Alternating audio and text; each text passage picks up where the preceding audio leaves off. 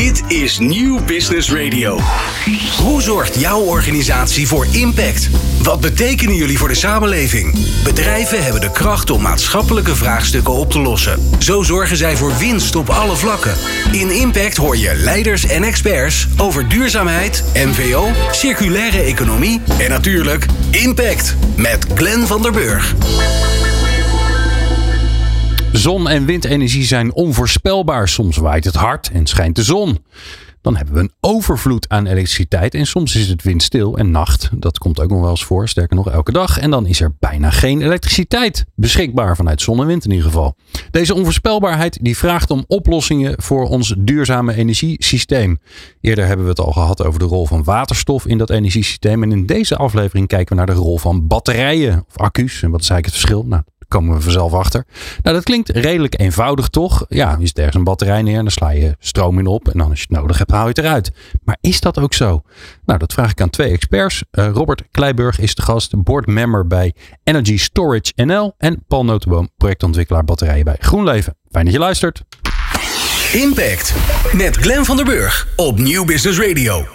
Uh, Robert en Paul, fijn dat jullie er zijn al hier in de studio. Uh, gewoon draaiend op stroom. We gaan niet op batterijen volgens mij. Volgens mij zitten, hangen we gewoon aan het net gezellig. Uh, uh, batterijen in een duurzaam energiesysteem. Robert, waarom hebben we die nodig? Ja, je hebt het eigenlijk al gezegd in de introductie. er komt steeds meer wind- en zonne-energie in het systeem. En dat betekent dat we soms overschotten hebben en soms tekorten. Uh, en dat betekent weer dat we ja, die overschotten het liefst ook uh, zouden willen gebruiken en nuttig in willen zetten. En dat kan via batterijen, dat kan ook via andere vormen van opslag. Uh, warmteopslag is een hele bekende, maar ook opslag in moleculen, bijvoorbeeld in waterstofopslag. Dus dat wordt steeds belangrijker in een duurzaam energiesysteem. Ja, wat doen we nu eigenlijk als we, want we hebben nu eigenlijk ook al momenten dat we een overschot hebben aan, aan elektriciteit. Wat, wat, wat doen we daar nu mee? Ja, dat heet met een mooi Engels woord curtailment. En dat betekent eigenlijk dat we het weggooien. Dus, Echt waar? Uh, ja, er worden de wieken van zonnepanelen of de wieken van windmolens worden uit de wind gedraaid. En uh, de inverters van zonnepanelen worden regelmatig afgeschakeld. Uh, omdat, ja, omdat we eigenlijk negatieve prijzen hebben. dus is, moet je eigenlijk als, als producent gaan betalen om die energie ook op het net te zetten. Hm. En ja, daar zijn veel ondernemers niet van gediend. Nee, dat snap ik. Nee, daar ben je niet voor in de business gegaan, eh, kan ik me zo voorstellen, Paul. Uh, ja, jullie zijn dat natuurlijk ook niet als GroenLeven om vervolgens de energie uit je mooie zonnepark of je, uh, je, je parkeergarage die je overdekt hebt, om vervolgens die stroom maar uit te zetten. Of sterker nog, om er voorbij te betalen. Dat wil je natuurlijk niet. Nee, dus bijbetalen doen we nooit. Um, en als het inderdaad negatief wordt, dan zetten we ze gewoon uit, omdat het net het niet nodig heeft. Ja. Dus um, ja, Doodzonde. Maar daar voelt, het voelt alsof daar een business case is, toch? Want ja, stroom is misschien op dat moment even niks waard of zelfs negatieve waarde. Maar dat is natuurlijk een paar uur later, als het donker is, misschien anders. Ja, en um, dat hebben we al een paar jaar geleden gezien dat dit een business case is die steeds groter wordt. En Robert zei het al, als er meer duurzame energie in het systeem komt, dan krijg je die fluctuaties van prijs en van uh, vraag en aanbod steeds meer. En dan uh, wordt het steeds aanlokkelijker eigenlijk om daar een soort van opslag in te zetten. Die dan op het moment dat je te veel hebt, het eruit trekt, zodat het stabiel blijft. En op het moment dat je te weinig hebt, dat je het weer bij doet. Ja, in het klein zou je zeggen van nou, als je, als je slim bent, dan kun je dat thuis ook doen. Dan kan je, als je een flexibel contract hebt, op het moment dat het 0 euro kost, dan laat je je batterij in bijvoorbeeld je auto op. En op het moment dat het wel uh, waard is, uh, uh, dan laat je het er weer uitlopen. Zo simpel werkt het volgens mij toch? Hoort of niet? Ja, dat zou kunnen. Ja, eigenlijk zit hier een heel wat makkelijke business gewoon. Ja, of valt nou, het tegen? De, één kant op, uh, dat is denk ik wel makkelijk. Uh, als je je batterij, of je batterij van je auto opladen, je moet hem toch opladen. Dus of je dat dan uh, doet op het moment dat de prijzen negatief zijn, of hartstikke duur, ja, dat is denk ik een hele eenvoudige keuze. de andere kant op, om het ook weer uit de batterij van je auto te halen. Uh, en dat dan weer terug te leveren naar het net. Daar heb je nog wel meer technische innovaties nodig. Dat noemen ze in het Engels uh, vehicle to grid. Uh, en dat is, die, die laders die zijn op dit moment nog heel erg duur. Hm. Er wordt wel heel hard aan gewerkt om die ook wel goedkoper te krijgen. Ja, uh, laten we eens beginnen met, want, want je zei het zo al even Robert, batterijen kunnen een hele belangrijke rol spelen. Maar er zijn ook andere manieren om het op te slaan. Warmte, moleculen. Dat is wat mooi als je met experts praat. Die hebben het dan niet over waterstof, maar over moleculen. Want er zijn nog meer zouden er nog wel eens meer op- opties kunnen zijn dan alleen waterstof. Ehm, waar moeten we die batterijen vooral niet gebruiken? Dus wat, wat, is, wat is geen slimme plek om ze neer te zetten? Eh, nou, de, de plek, eh, dat- dat, maakt denk ik niet zo heel veel uit. de toepassing. In het, in het eh, Ja. elektriciteitssysteem, ja, zou ik zeggen, het, het, de meest logische plek is daar waar de congestie is. Dat is misschien een beetje, een beetje raar, want batterijen kunnen ook congestie veroorzaken, maar ze kunnen ze ook oplossen. Dus in mijn optiek ja, zou je ze eigenlijk in moeten zetten om ook die congestieproblematiek op te lossen. Ehm, Ja, help ja. ons eens even, want ik zie eh, bijvoorbeeld voor me, je, je wil ergens een aansluiting doen om juist de stroom, eh, nou, hè, een prachtig eh, zonneproject van, eh, van GroenLeven, die wil graag leveren aan het net. Nou, gedoe, net vol, je kan er niet op kwijt. Hoe zou je dat op kunnen lossen met een batterij? Nou, eigenlijk heel makkelijk door het op, te slaan in een batterij op het moment dat de prijzen negatief zijn en dat er veel is. En je trekt hem eigenlijk leeg tijdens de spitsuren. Eh, en dat kan, eh, dat kan s'avonds zijn tijdens de spits. Dat we ook vaak zien eh, dat er s'nachts, als het heel hard waait en er is weinig vraag, zijn de prijzen ook erg laag. En dan laat je hem s'nachts op. En dan kan je hem in de ochtendspits kan je hem weer leeg trekken. Dus zo zijn er ja, meerdere momenten op de dag dat je een batterij nuttig kan inzetten. Ja, want het idee wat we natuurlijk bij congestie vaak hebben is dat het net dan vol zit, maar het zit soms vol. Hè? Dat, dus je moet dat, net zoals onze wegen, we zeggen, we zeggen ook niet, ja, onze wegen, er staat 24 uur per dag file, dat is gewoon niet zo. Klopt. Ja, Ja. dat is exact hetzelfde. Alright, dus die- daar zou jij ze neerzetten. Op die plekken waar het inderdaad dan druk is en vol is. Op sommige momenten, dan kun je die batterij gebruiken om te zeggen, oké, nou nu even niet op dat net le- leveren en nu juist weer wel. Ja, klopt. Oké. Wanneer kies je voor batterij en wanneer kies je dan voor waterstof en wanneer kies je dan voor warmteopslag? Hoe, hoe concurreren die met elkaar? Ja, het zijn eigenlijk eh, heel verschillende vormen van opslag. Eh, maar batterijopslag is met name voor korte termijn eh, heel erg efficiënt ook. De, de round-trip efficiency van een batterij is ongeveer 90%. Dus je kan dan ja, 10% gooi je weg, maar 90% heb je nuttig gebruik van. Ehm, als je naar moleculenopslag gaat of waterstofopslag, ja, dan heb je vaak een round-trip efficiency van 35%. Dus dan gooi je toch eh, ongeveer twee derde gooi je weg. Het grote voordeel daarvan is dat je dan wel weer eh, het heel langdurig kan opslaan zonder al te veel verliezen.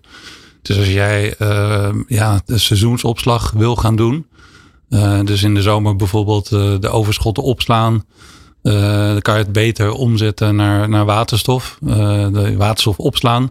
Bijvoorbeeld in zoutcavernes. En het dan eh, in de winter eh, tijdens de zogenaamde doenkolflauten. Dat is een mooi, mooi Duits woord. eh, als er periodes met, met weinig zonne-energie is. En waarbij het ook niet hard waait ergens in de winter. Waar er ook veel vraag is. Ja, dan kan je die eh, waterstof eh, heel goed inzetten om, eh, om dan je energie te produceren. Ja.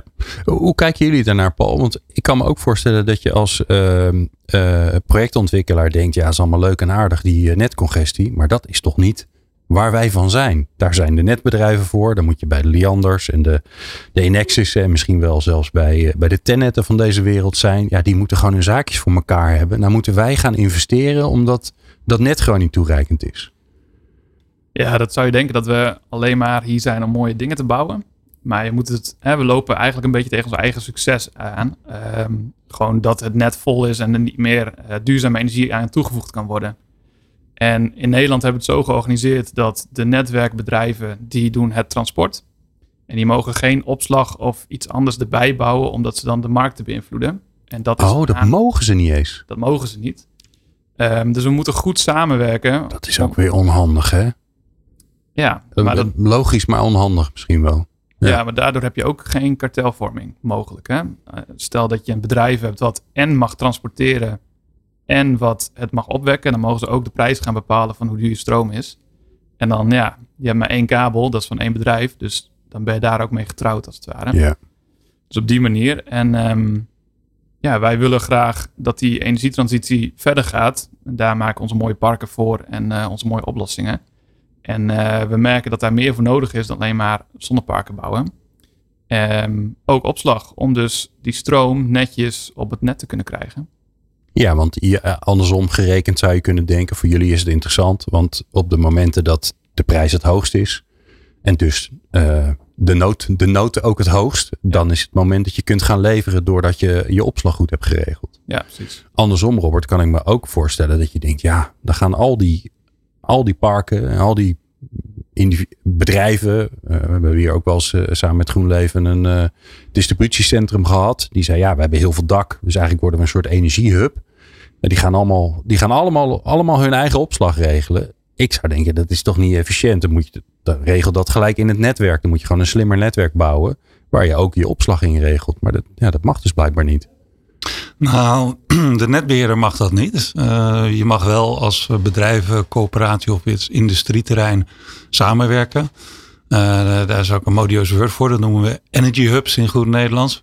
Uh, daar vorige week heeft, is daar ook nog een subsidie voor gekomen vanuit het ministerie van EZK om dat ook aan te moedigen. Oké. Okay. dus wel de bedoeling dat je zoveel mogelijk ook je eigen zelfgegenereerde elektriciteit of energie ook op je bedrijventerrein houdt. Ja, ja. En, uh, help mij eens even, um, Paul, want dan, dan kunnen we ons een beeld vormen. We noemen het een batterij.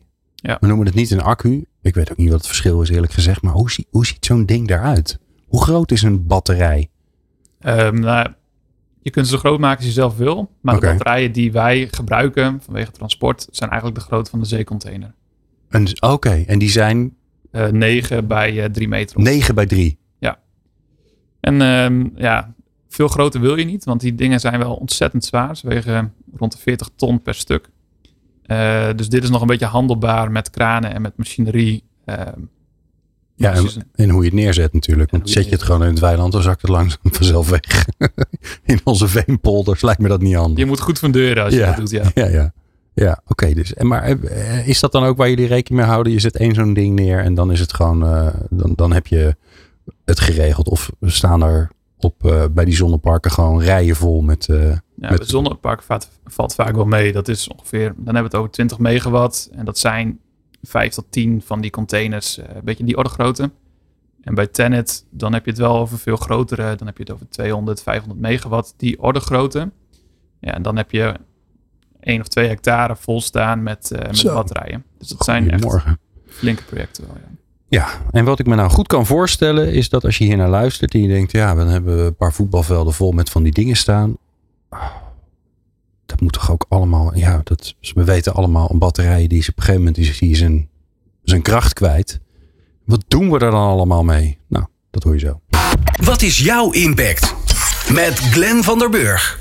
Robert Kleiburg van Energy Storage NL en Paul Notenboom van GroenLeven in de studio. Uh, ja, we praten over de rol van batterijen in ons toekomstige, misschien ook wel bestaande energiesysteem, maar zeker in de toekomst. Uiteindelijk gaan we, uh, dat beseffen we ons allemaal nog uh, een beetje te weinig, maar we gaan naar alleen maar duurzame opwek. Hopelijk zonder kerncentrales, maar dat is mijn persoonlijke mening. Um, hoeveel, want ik zie die batterijen vormen, hè, die, die zeecontainers. Dat is dan zeg maar de eenheid waarin we moeten denken. Um, ik zie bij Tenet nu dan al een soort van voetbalveld vol met zeecontainers. Maar als we dat hele energiesysteem, waarin het s'nachts, als het niet waait, we toch ergens echt ergens anders vandaan moeten halen. Hoeveel van die batterijen hebben we dan wel niet nodig, Robert? Is daar, is daar ooit over nagedacht? Ja, daar is zeker over nagedacht door verschillende partijen. Uh, Tenet die geeft jaarlijks een monitoring leveringszekerheid. Um, daar zijn verschillende scenario's, maar in het huidige beleid gaan ze uit van uh, 10,3 gigawatt aan vermogen. Oké. Okay. Uh, uh, tot wel 13,3 gigawatt aan vermogen. Dus dat is in 2030. Dat is als het ambitieuze beleid wordt gevoerd. Um, er is ook vorige week de, de infrastructuurverkenning is bekendgemaakt door alle netbeheerders. Dus Tenet, maar ook GasUnie zit erbij en, en, en, en de regionale netbeheerders. En daar komen ze in 2040 uit op 25 tot 42 gigawatt. Uh, en richting 2050 gaat dat tot wel 70 gigawatt. Dus dat is echt, uh, nou moet je een beetje. Het klinkt uitgaan. heel veel, maar hoe, Ja, het huidige hoe? energiesysteem of het elektriciteitssysteem is ongeveer 14 gigawatt. Dus het hele systeem? Nou, dus het vermogen aan batterijen wat nodig is, is, is groter eigenlijk dan, dan het totale energiesysteem. En eh, als ik die, al die containers, uh, laten we er even van uitgaan dat we nog steeds in zeecontainers denken. Als we die dan gezellig op een, op een, in een vierkantje plaatsen. Hoe groot hebben we het dan over? Hoeveel voetbalvelden? Of is dat al niet eens ja, voetbalvelden uit te drukken? Dat is een oppervlakte te grootte van Haarlem was de, de conclusie. Dus uh, nou, dat, dat klinkt heel veel. Maar dat is ongeveer 23 tot 33 vierkante kilometer. Dus op Nederlands is totaliteit is het, uh, is het nog wel behapbaar. Maar het is wel een uh, fors uh, areaal wat je hebt. Ja, los van het gewicht en alle materialen die er dan allemaal wel niet in zitten. Ja, klopt. Is dat realistisch? Zeg ik dan maar eventjes. Want het kost A, kosten al die dingen geld. Er moet allemaal heel veel materiaal in. Ik denk dat het allemaal nog steeds voorlopig nog even gebaseerd is op lithium, denk ik. Uh, ja. Wat we nu uh, van ver weghalen waar ze ergens bergen aan het afgraven zijn. Nou, je moet, denk dat je wel moet beseffen dat het heel moeilijk is om in de toekomst te kijken. Uh, technologieontwikkeling gaat heel erg snel. Er worden ook veel andere batterijtypes worden er ontwikkeld. redox flow batterijen die een heel ander werkingsprincipe hebben. Uh, ook in Nederland zijn er bedrijven die daar succesvol in zijn. Uh, zeezoutbatterijen zijn, uh, worden, zijn in de maak. Ja, daar hebben we heel veel van zeezout, dus dat ja, komt mooi uit. Klopt. Ja. Dus ik denk dat de, de, de, de batterij van de toekomst, die zal er heel anders uitzien als de batterij van nu. en ik denk ook dat ja, het oppervlakte wat er nodig is, zal ook heel anders zijn. Ja. De manier van opslag zal misschien heel anders zijn. Maar denk aan hele grote tanks waar elektrolyt in zit. Negatief geladen deeltjes en positief geladen deeltjes die dan uh, als opslag fungeren. Dus niet zozeer de, de, de, containers die we nu hebben. Dan wordt het veel schaalbaarder eigenlijk. Ja, en daar, daar, eh, jij hebt daar eh, inzicht en overzicht op. Daar zie je heel veel ontwikkeling al gaande. Omdat we weten dat we die kant op moeten met z'n allen. Dat, er dus ook, dat we niet meer kunnen gaan denken in traditionele zeg maar, vormen van, uh, van batterijen. Dat past eigenlijk gewoon niet meer. Ja. ja, hoe gaan jullie daarmee om, Paul? Wetende dat zoals je het nu doet, je eigenlijk altijd al met uh, verouderde technologie bezig bent? Nou, ik zou het niet verouderd willen noemen. Wat we natuurlijk hebben gezien is dat lithium dat bestaat al meer dan 20 jaar. En dat is een hele volwassen technologie. En de vraag naar grootschalige opslag die is nog relatief jong. Dus heel veel bedrijven die die nieuwe technologie aan het ontwikkelen zijn, die zitten een beetje in een scale-up fase. Dus dat is meer nog R&D, kijken wat er is mogelijk. En die kunnen nog niet een een product met een strictrom leveren. Wat wij nodig hebben om het, om het te plaatsen, als het ware. Dus we, houden, we hebben goed contact met heel veel van die bedrijven. En we zijn ook alvast aan het kijken van, nou ja, wat, wat past in, de, in wat wij zien dat nodig is. Alleen de eerste stap, die is gewoon heel dringend. En daar is lithium gewoon het meest volwassen voor en uh, het meest bruikbaar. Ja, en dan hoor je heel veel mensen, hè, ik heb zelf die gesprekken ook wel eens over als, als ik dan met mijn elektrische auto, die zeggen ja, maar dat is helemaal niet duurzaam, want die batterijen en die kunnen we helemaal niet recyclen. En nou, dus, dus, dus allemaal van die achterhoede gesprekken met alle respect over wat uh, het klinkt duurzaam, batterijen uh, waarin je zonne-energie opslaat, maar dat is helemaal niet duurzaam, want. En wat is dan jouw repliek? Wat zeg jij dan? Nou ja, wij wij kopen die batterijen bij verschillende fabrikanten. En daar zit ook een afspraak in dat als hij op is, dat de fabrikant hem terugneemt. dan gaat hij gewoon terug naar de fabriek en dan uh, wordt hij eigenlijk weer gerecycled door diezelfde fabriek. En um, vraag me niet hoe ze dat precies doen, want dat is dan weer niet mijn expertise. Maar het is veel te zonde om iets wat nog zo puur is, om dat, uh, om dat niet te recyclen. Ja. ja, Robert, hoe ver zijn we daar ondertussen mee? Want uh, vroeger was dat een probleem, batterijen recyclen. Ja, ook daar gaat innovatie steeds verder. Steeds uh, groter percentage van, uh, van een batterij kan gerecycled worden. Er zijn ook steeds meer bedrijven die dat doen als specialiteit. Dus het is ook echt wel een, een apart vakgebied, zeg maar. Maar steeds verder. En daar wil ik aan toevoegen dat je had het over de batterij in jouw auto. Er zijn ook concepten waarbij je die, die batterijen voor mobiele toepassingen, waar nog levensduur in zit, dus niet zozeer recycled, maar hergebruikt dus dat je ze dan gebruikt voor stationaire toepassingen. Dus, ah, uh, Dat ze eerst in een auto zitten en vervolgens ja, stapel je ze in een zeecontainer. En zet je ze naast het zonnepark. Ja, ja, ja. ja. Ik heb dat verhaal wel eens gehoord inderdaad over de, de, de BMW i3 uh, batterijen. Waar ze, waar ze inderdaad een zeecontainer vol mee bouwden. En vervolgens kon dat nog prima jarenlang gebruikt worden als batterij. En had je niet meer de prestatie nodig die je nodig hebt in een auto. Ja, klopt. Grappig, ja. Ja, bijzonder. Maar zo te horen klinkt dit als een enorme aanstaande groeimarkt. Is er nog een alternatief? dus zou je nog kunnen zeggen van nou, dit is een, een optie. Namelijk uh, batterijen in dat netwerk voor die, kort, voor die kortdurende opslag. Is er nog een soort van concurrent? Uh, is er nog een soort stammenstrijd gaande waarbij je zegt van nou, je kunt voor batterijen kiezen, maar er is ook nog een andere uh, technologie. En, en Paul is het al nee te schudden. Nou ja, van oudsher hebben we een energiesysteem waarbij je dus ehm, je aanbod kon sturen. En dat kwam van een centraal punt. Als je van dat systeem af wil, dan zul je iets van een buffer moeten gaan inbouwen. Want dan heb je namelijk je aanbod, dat is flexibel. En je vraag is ook flexibel. Um, dus en daar moet dan een batterij tussen. Dus het enige, wat ik, het enige andere wat ik kan bedenken is eigenlijk dat je gewoon meer kerncentrales bouwt. En uh, ja. blijft bij de En daar ben ik niet voor. Maar verder is mijn persoonlijke mening totaal niet van belang. Maar ik heb mij door experts laten vertellen dat het te duur is. En niemand wil de dingen in zijn achtertuin en, uh, enzovoort. Um, maar daar, eh, dat, dat geheel terzijde. Ik zou zeggen dan maar batterijen. Hè? Liever batterijen dan kerncentrales. Ja, misschien uh, de, als toevoeging dat uh, als je hoogteverschil hebt, bijvoorbeeld in de Alpen, dan is, uh, is er ook wel mogelijkheid om het water weer bij lage prijs omhoog te pompen.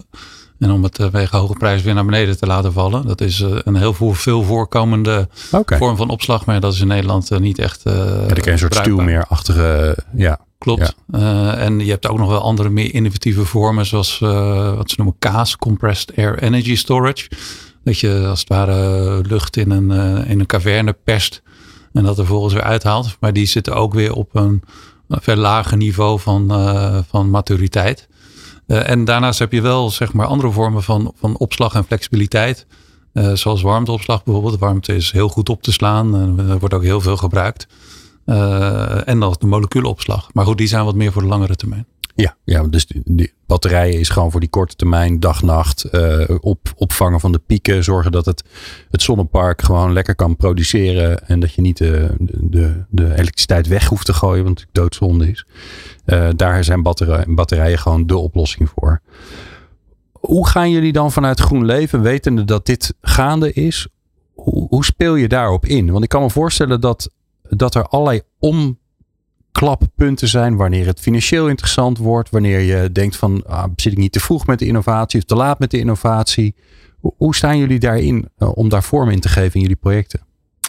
Um, nou ja, wij zorgen dat we goed voorbereid zijn. Um, hè, we houden al die trends houden we in de gaten. En we zijn, uh, nou, met Robert zitten we ook met Energy Storage NL uh, het beleid te bekijken wat er aan zit te komen. En op die manier proberen we te, in te schatten van oké, nu is de markt en het beleid is er klaar voor dat we ze, ze bouwen. Um, maar we zien al jaren natuurlijk dat er komt steeds meer congestie. Er komt steeds meer vraag naar flexibiliteit. Uh, dus, en daarom zijn we begonnen met het onderzoek daarin. Ja. ja, want ik kan me ook voorstellen, we hebben eerder een keer een aflevering gemaakt over, uh, ik kijk elke keer naar buiten, dan moet ik er namelijk aan denken naar ons prachtige uh, parkeerdek bij het Mediapark waar geen overkapping heen zit en dus ook geen zonnepanelen op liggen, wat doodzonde is. Um, daarbij kan ik me ook voorstellen dat je zegt, nou, moet je dan niet op een slimme manier in dat systeem wat jullie eigenlijk ontwikkeld hebben bij GroenLeven, moet je daar dan niet op een slimme manier ook die batterijtechnologie daar gewoon inbouwen? Zodat het gewoon standaard ook in je, ja, je structurele aanpak, je constructurele, constructionele aanpak zit van zo'n uh, overkapping van zo'n dek. Um, dat kan, dat, maar dat is nog wel kleine schaal. Dus wij proberen het eerst op grote schaal uh, onze lessen te leren. Grappig dat jij dat klein. Ik vind dat al heel groot, maar dat is voor jullie kleine schaal. Ja, oké. Okay. Ja. ja. En wat we hier proberen is dat we dan uh, laadpalen eigenlijk integreren met onze cardboards. Zodat je gewoon meteen de zonnestroom kan laden. Ja. Um, en het is wel slim om daar dan nog een batterij bij te zetten. Kun je s'nachts ook je auto laden met zonnestroom. Um, maar daar zijn we nog niet zo ver mee. Nee. Um, Waar ik het straks graag uh, met jullie over wil hebben, want uh, dan zitten we alweer zo'n beetje aan het laatste blokje, want zo hard gaat het eigenlijk, um, is uh, hoe we dit enerzijds praktisch en behapbaar maken ehm, en anderzijds ook eh, ja, gericht op de toekomst. Dus hoe het er een beetje uit gaat zien. En dat hoor je zo. Gesprekken met impact met Glenn van der Burg. Robert Kleiburg van Energy Storage NL. Wat volgens mij een brancheorganisatie is, hè? Robert, klopt hè? En Paul Notenboom van GroenLeven in de studio praten over batterijen en de rol van batterijen in het netwerk. Paul, als ik dit allemaal zo hoor, dan denk ik, nou, dat is een superbelangrijk onderdeel van ons toekomstige energiesysteem. Eh, sterker nog, eigenlijk hebben we ze nu al nodig, die batterijen. Want we zijn nu al, uh, als, het, uh, als de zon schijnt, zon schijnt en de wind waait, dan zijn we nu al elektriciteit aan het weggooien, wat doodzonde is. Voor mij les 1 duurzaamheid, niks weggooien. Um, wat houdt nu uh, wat, wat, is hetgene wat nu, zeg maar, de ontwikkeling en het investeren in die batterijen, wat volgens mij super belangrijk is, wat, wat, wat, wat remt het nu af? Wat houdt het nu tegen? Wat is de, de grootste bedreiging? Nou, ik zal een klein beetje uh, achtergrond erbij schetsen. in Nederland hebben we het zo georganiseerd dat als je elektriciteit produceert, dan heb je geen netwerkkosten. En als je van het net. Dan kun je aangesloten worden op ons Nederlands elektriciteitsnetwerk en dat kost 0 euro. Ja, dus de, de hardware kost wel geld, maar je ma jaarlijks contract, dat is dan gratis. Oké. Bijna gratis. Maar als je van de net afneemt, dan moet je wel jaarlijks ook je contractkosten uh, betalen. Oké, ja. ja, dan moet ik thuis ook. Ik betaal aan, aan Liander voor mijn aansluiting. Ja, ja, ja precies. Een soort huur. Dat, dat is hier niet anders. Um, en als een batterij goed wil helpen, dus goed wil stabiliseren, dan moet hij en van het net kunnen afnemen als het te veel is en terug kunnen zetten als het te weinig is. Alleen de laatste jaren is eigenlijk zijn de kosten om van het net af te nemen, die zijn enorm gestegen. En het is nu nog steeds onzeker hoe dat verder gaat ontwikkelen. Dus, maar hoeveel is enorm ongeveer? Wat moet ik dan denken? 5%, 10% inflatieniveau? De laatste vier jaar is het grofweg uh, eh, 300% gestegen qua kosten. Oké. Dus een aantal jaar geleden was de business case voor batterijen was gewoon erg goed. Een jaar geleden was hij solide. En nu is hij eigenlijk uh, kantje boord en zometeen dan staat hij onder water. Dus daar moet iets van duidelijkheid komen. En het is niet alleen dat hij. En even zodat, zodat iedereen het snapt, hè? Je hebt een. Ik, ik, ik, ik denk, we hebben een, eh, een, eh, een zonneproject. Ja. Er staan veel zonnepanelen. Die sluit je aan op het netwerk. Dan gaat de stroom één kant op. Uh, huurkosten voor de aansluiting bijna nihil. Vervolgens zet je tussen dat park en die en, en het netwerk, en ik versimpel het even heel erg, hè, daar zet je een grote batterij tussen, want super handig, dan kan je stabiliseren, dan kan je van het net afnemen op het moment dat het te veel is, of je kan opslaan vanuit het zonnepark als het te veel is, en je kunt ook afgeven aan het net als het te weinig is. Hè. Dus uh, Tenet, uh, Lianders, iedereen heeft er baat bij. Ja, hè? ik zeg geen rare dingen. Maar als je dat doet, als je die batterij ertussen zet, dan ga je ineens huur betalen, waardoor je hele business case onderuit gaat. Ja, klopt. Klinkt als niet goed geregeld, Robert. En volgens mij zijn jullie de brancheorganisatie. Dus jullie zullen daar ongetwijfeld gesprekken over voeren. Ja, een van de, het is een van de speerpunten. Wat ESNL doet is belangenbehartiging. Uh, dat, uh, dit is wel een van de onderwerpen waar we de afgelopen maanden ook intensief hebben gesproken. Met uh, verschillende partijen. Met de ACM, die hier een bijzondere Autoriteit rol heeft. Consumentenmarkt, ja, ja. klopt. Met de EZK ook, het ministerie van Economische Zaken en Klimaat met Tenet, uh, met de regionale netbeheerders. Uh, en uh, ja, dit is ook wel iets wat, wat aandacht heeft en waar ge, gezocht wordt naar een oplossing. zodat ja, dit fenomeen niet meer voorkomt of in mindere mate voortkomt. Want herkennen zij dan ook, hè, want vaak is het natuurlijk zo, die regel is er niet voor niks. Die is bedacht en dat was een slimme regel, want anders hadden we hem waarschijnlijk niet bedacht. Of was hij al eerder een keer veranderd. Nu uh, komen we in een nieuwe wereld terecht. Een nieuw energiesysteem, innovatie. En dan blijkt er ineens zo'n regel te zijn waardoor het niet handig is. Zeggen die ambtenaren uh, en collega's van de netwerkbedrijven, zeg je dan ook van ja, daar hebben we nu gewoon last van. Zodat er verandering kan optreden? Of is er veel discussie over? Wordt er ook gezegd, dikke pech voor jullie business case? Jullie wel alleen maar geld verdienen. Nee, ik, ik, is wel een, realisatie dat we meer flexibiliteit nodig hebben. Uh, zojuist heb ik ook die getallen gegeven. Nou, die komen ook van de netbeheerders af. Dus er zal zeker een bereidheid om mee te denken en om dit uh, ongewenste effect ook uh, ja, op te lossen.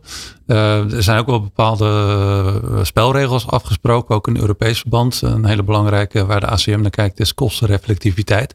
Ze willen ook dat als een, een, een iemand bijdraagt aan kosten voor de netbeheerder, dat hij daar ook voor moet betalen.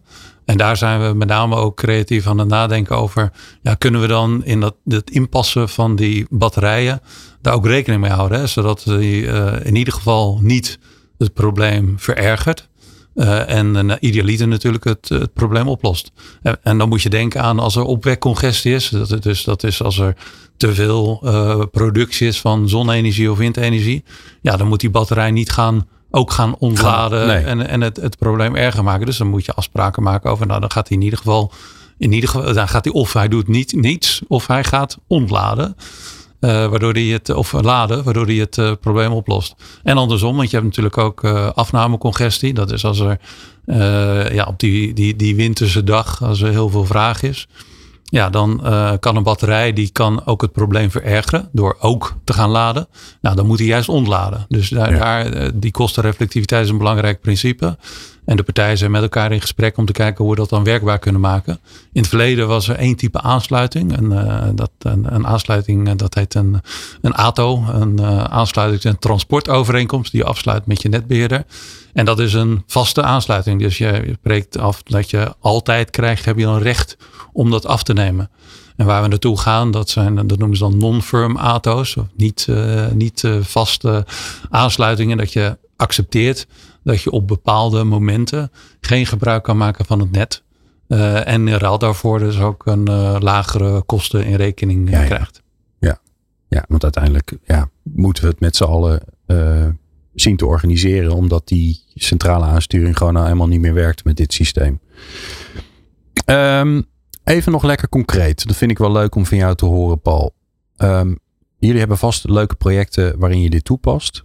Heb je een mooi voorbeeld uh, waarvan je zegt van kijk, daar hebben we het zo in elkaar uh, gestoken. En daar zitten eigenlijk heel veel van de elementen die we nu besproken hebben, die zitten erin. Nou ja, heel veel van de elementen die Robert net bespreekt, die, uh, die zijn eigenlijk heel nieuw. Um, maar ik, ik vind het wel leuk om even misschien ons eerste project even te, aan te stippen. Um, ons eerste project, eigenlijk toen wij hiermee begonnen met, met, met onderzoeken van wat kunnen we met batterijen, was nou, 2021 voordat hier heel veel aandacht voor was. En wij bouwen zonneparken die soms veel te groot zijn voor de kabel waar die op aangesloten is. De zon schijnt heel zeldzaam uh, perfect voor een zonnepark. Dus je kunt best wel met een kleinere aansluiting gewoon goed je stroom op het net zetten. Maar we vonden het eigenlijk zonde. Dus we dachten, laten we eens kijken of we dan gewoon smiddags kunnen opladen, s'avonds erop kunnen zetten.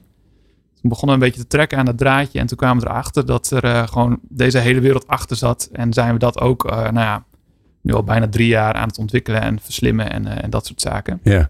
En nou, dat project dat, dat is nu, wordt nu gebouwd. Dus dat, En wat maakt dan, hè, want daar hadden we het net al even over, wat maakt dan dat, dat jullie ervoor kiezen om eigenlijk voor de troepen uit al te gaan investeren, al te gaan uitproberen? Zit, zit dat in de, de cultuur van groen leven om dat een beetje op te zoeken? Is die ruimte er ook? Want ik kan me ook goed voorstellen dat destijds in 2021, ja, er maar een business case voor, toch? Een beetje stroom en dan moet je een uh, veel te dure batterij kopen en uh, maar zien hoe het allemaal gaat. En toch doen jullie dat dan? Ja, ja dat zit wel echt in de bedrijfscultuur.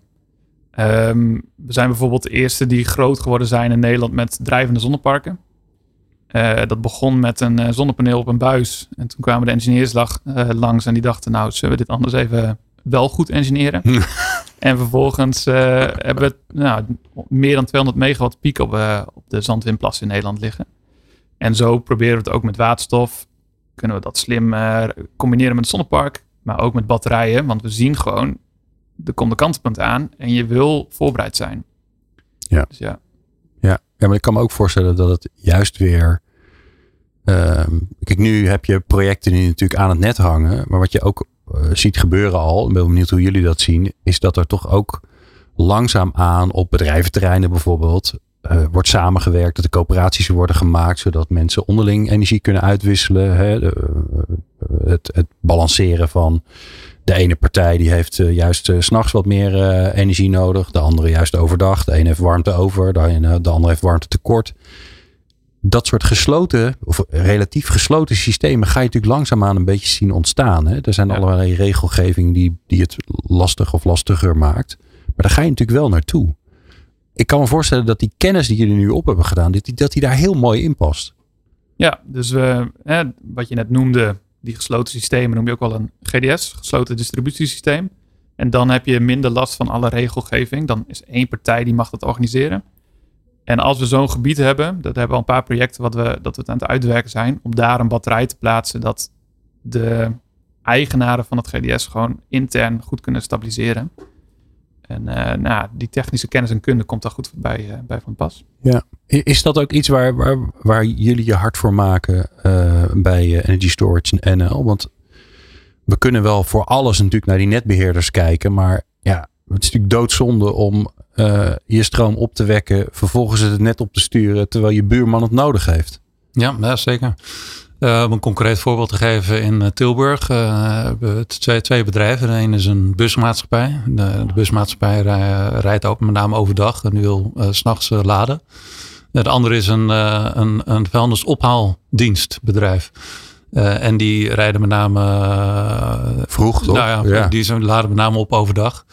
Uh, en uh, ja, dus de een die kan over, overdag heeft hij meer capaciteit nodig. En die is bereid om wat van zijn aansluiting op te geven.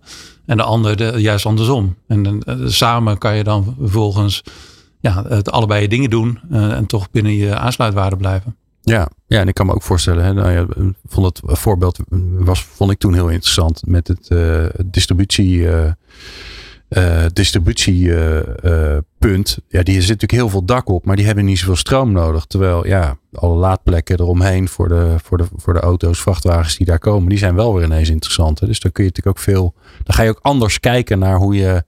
Uh, wat je propositie is als je naar zo'n heel terrein of naar zo'n kleine omgeving gaat kijken, dan dat je maar naar één organisatie of één bedrijf gaat kijken.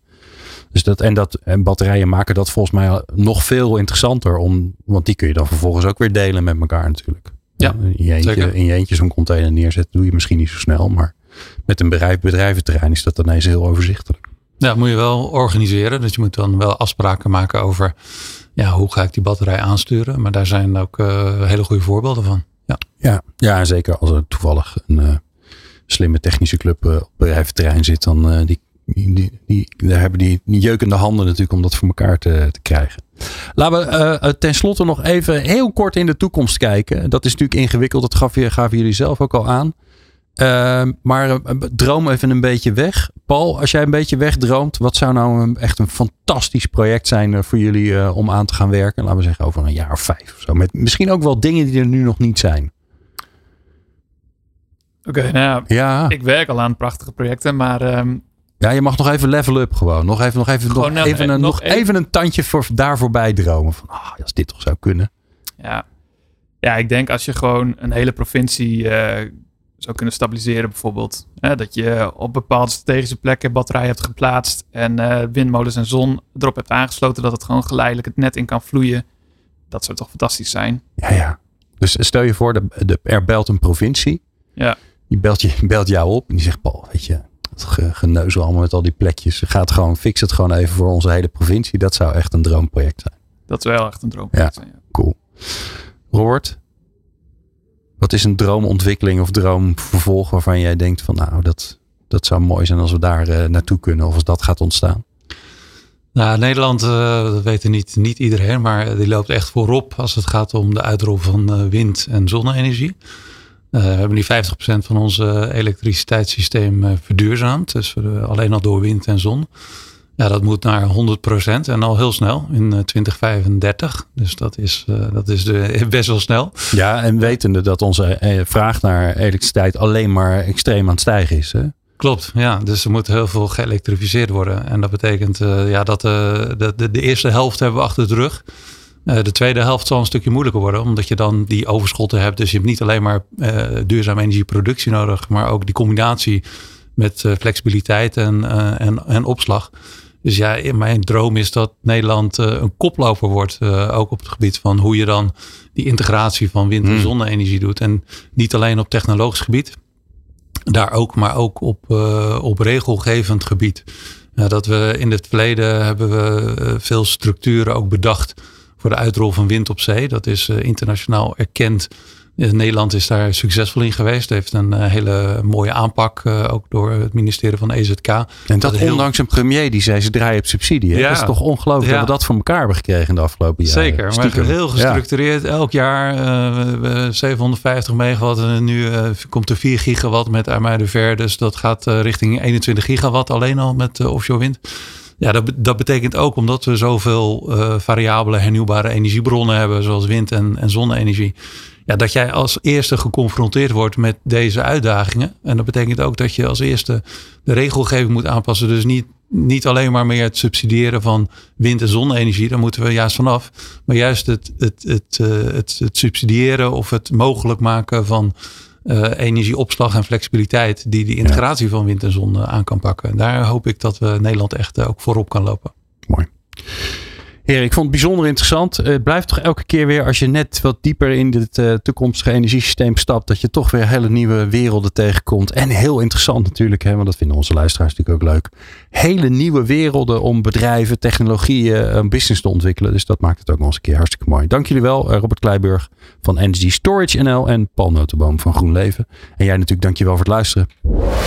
Meer afleveringen van Impact vind je op impact.radio.